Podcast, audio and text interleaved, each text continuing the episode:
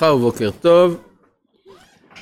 אנחנו ממשיכים בפרק כ"ב, פסוק כ"ח בספר המדבר, פרשת בלק, ויפתח השם את פי האתון. אז מה זאת אומרת ויפתח השם את פי האתון? מה זה אומר? בכלל, למה צריך לפתוח את פי האתון?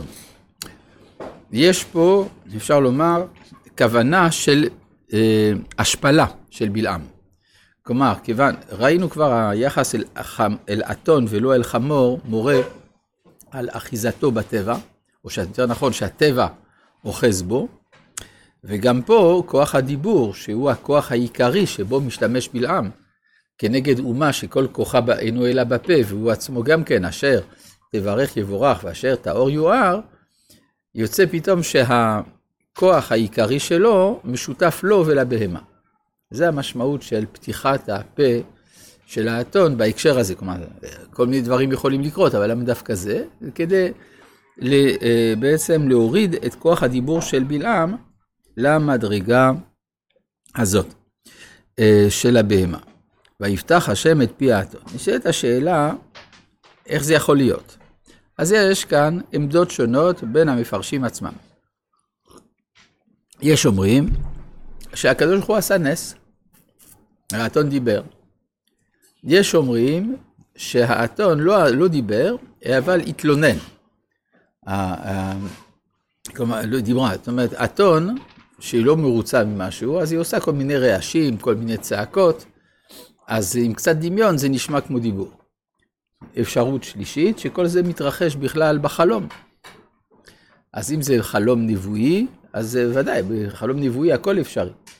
אבל גם בחלום הנבואי מראים לבלעם שהוא והאתון שווים, ואולי אפילו האתון יותר טובה ממנו.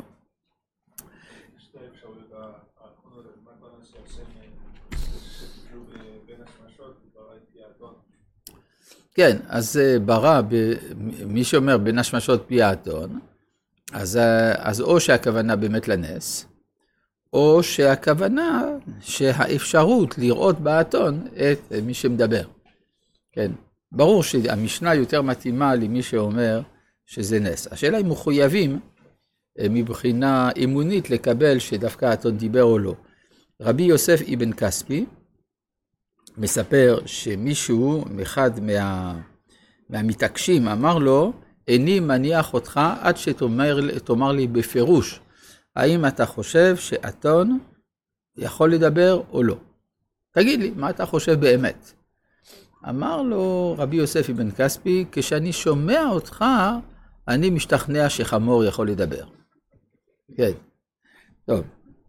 אבל uh, זה לא כל כך משנה, כלומר, איך אנחנו מבינים את זה. מה שאנחנו מבינים זה שיש עיכובים לבלעם, ושאתונו uh, גדולה ממנו. זה הנקודה. דעת אתונו לא ידע, איך הוא אומר דעת עליון יודע. ויפתח השם את פי האתון, ותאמר לבלעם, מה עשיתי לך, כי הכיתני זה שלוש רגלים. ויאמר בלעם לאתון, כלומר אנחנו גם זו סיטואציה מאוד מוזרה, האדם שרואה את האתון שלו מדברת, אז לא היה מתחיל להתווכח עם האתון, אלא היה נבהל.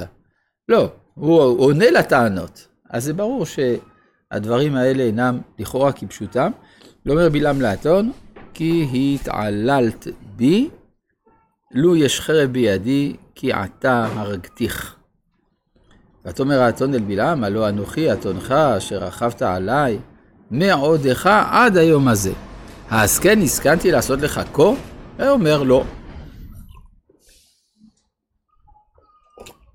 כל זה כמובן יכול להיות דיאלוג פנימי ש... בתוך ליבו של בלעם. הוא שואל את עצמו, רגע, היא אף פעם לא עשיתי, לא עשיתי לה שום דבר, היא אף פעם לא עשתה לי רע, וכולי. אה, מה זה מאותך עד היום הזה? כמה זמן אתון יכולה לחיות? לא הרבה זמן, כלומר, 15 אה, שנה בערך משהו כזה. אז מה, אז בלעם הוא רק בן 15? מעודך עד היום הזה? כן, גם זה לא כל כך אה, סביר. כן? יש להניח שבלעם בכל זאת היה קצת יותר מבוגר מזה. כן. אז לכן כל הסיטואציה היא הזויה. בכל מקרה, ויגל השם את עיני בלעם וירא, את מלאך השם ניצב בדרך, וחרבו שלופה בידו, ויקוד וישתחו לאפיו. ויאמר אליו מלאך השם, על מה הכית את אתונך זה שלוש רגלים?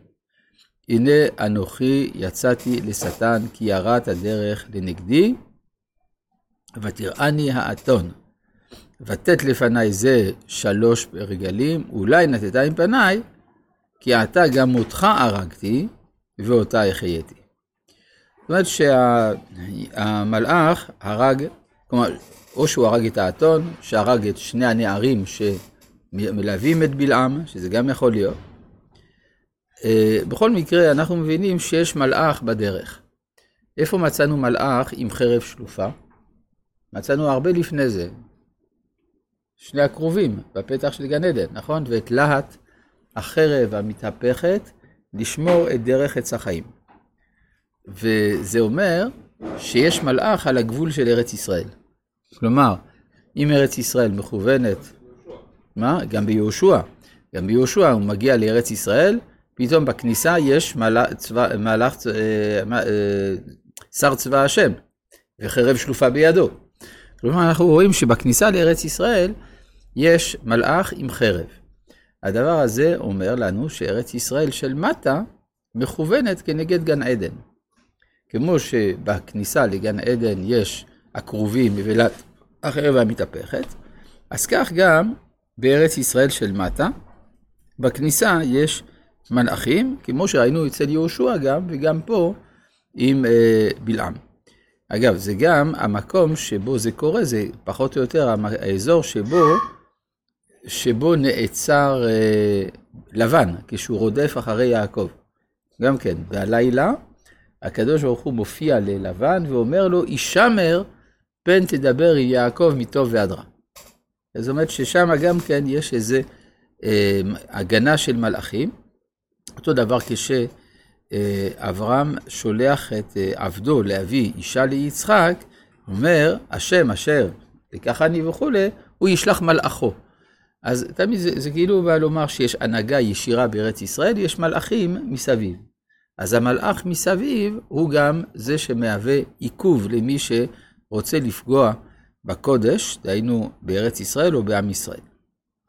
כן. לגבי הנושא של קריאתו, שזה מבריאת העולם, למה זה היה כל כך חשוב שהאתון תדבר? כן, למה זה חשוב שהאתון ידבר? כן. כלומר, האתון משתמש בכוח שהוא מיוחד לאדם, האדם הוא זה שמדבר. ופתאום יש לך אתון שמדבר. עכשיו, כל זה זה כדי להגחיך את מעמדו של בלעם. הרי בלעם משתמש בכוח הדיבור. כן, כלומר, כל העניין אשר תברך יבורך, אשר תאור יואר, והוא הולך להילחם באומה שכל כוחה אינו אלא בפה, ואז מראים שכוח הדיבור שלו משתווה, או אפילו למטה, מכוח הדיבור של הבהמה. זה הכוונה. זה היה הכנה לכל מה שהוא רצה... בדיוק, בדיוק. זאת אומרת, זה כבר שם אותו בסיטואציה הזאת, ולכן בלעם באמת חושב אולי לחזור.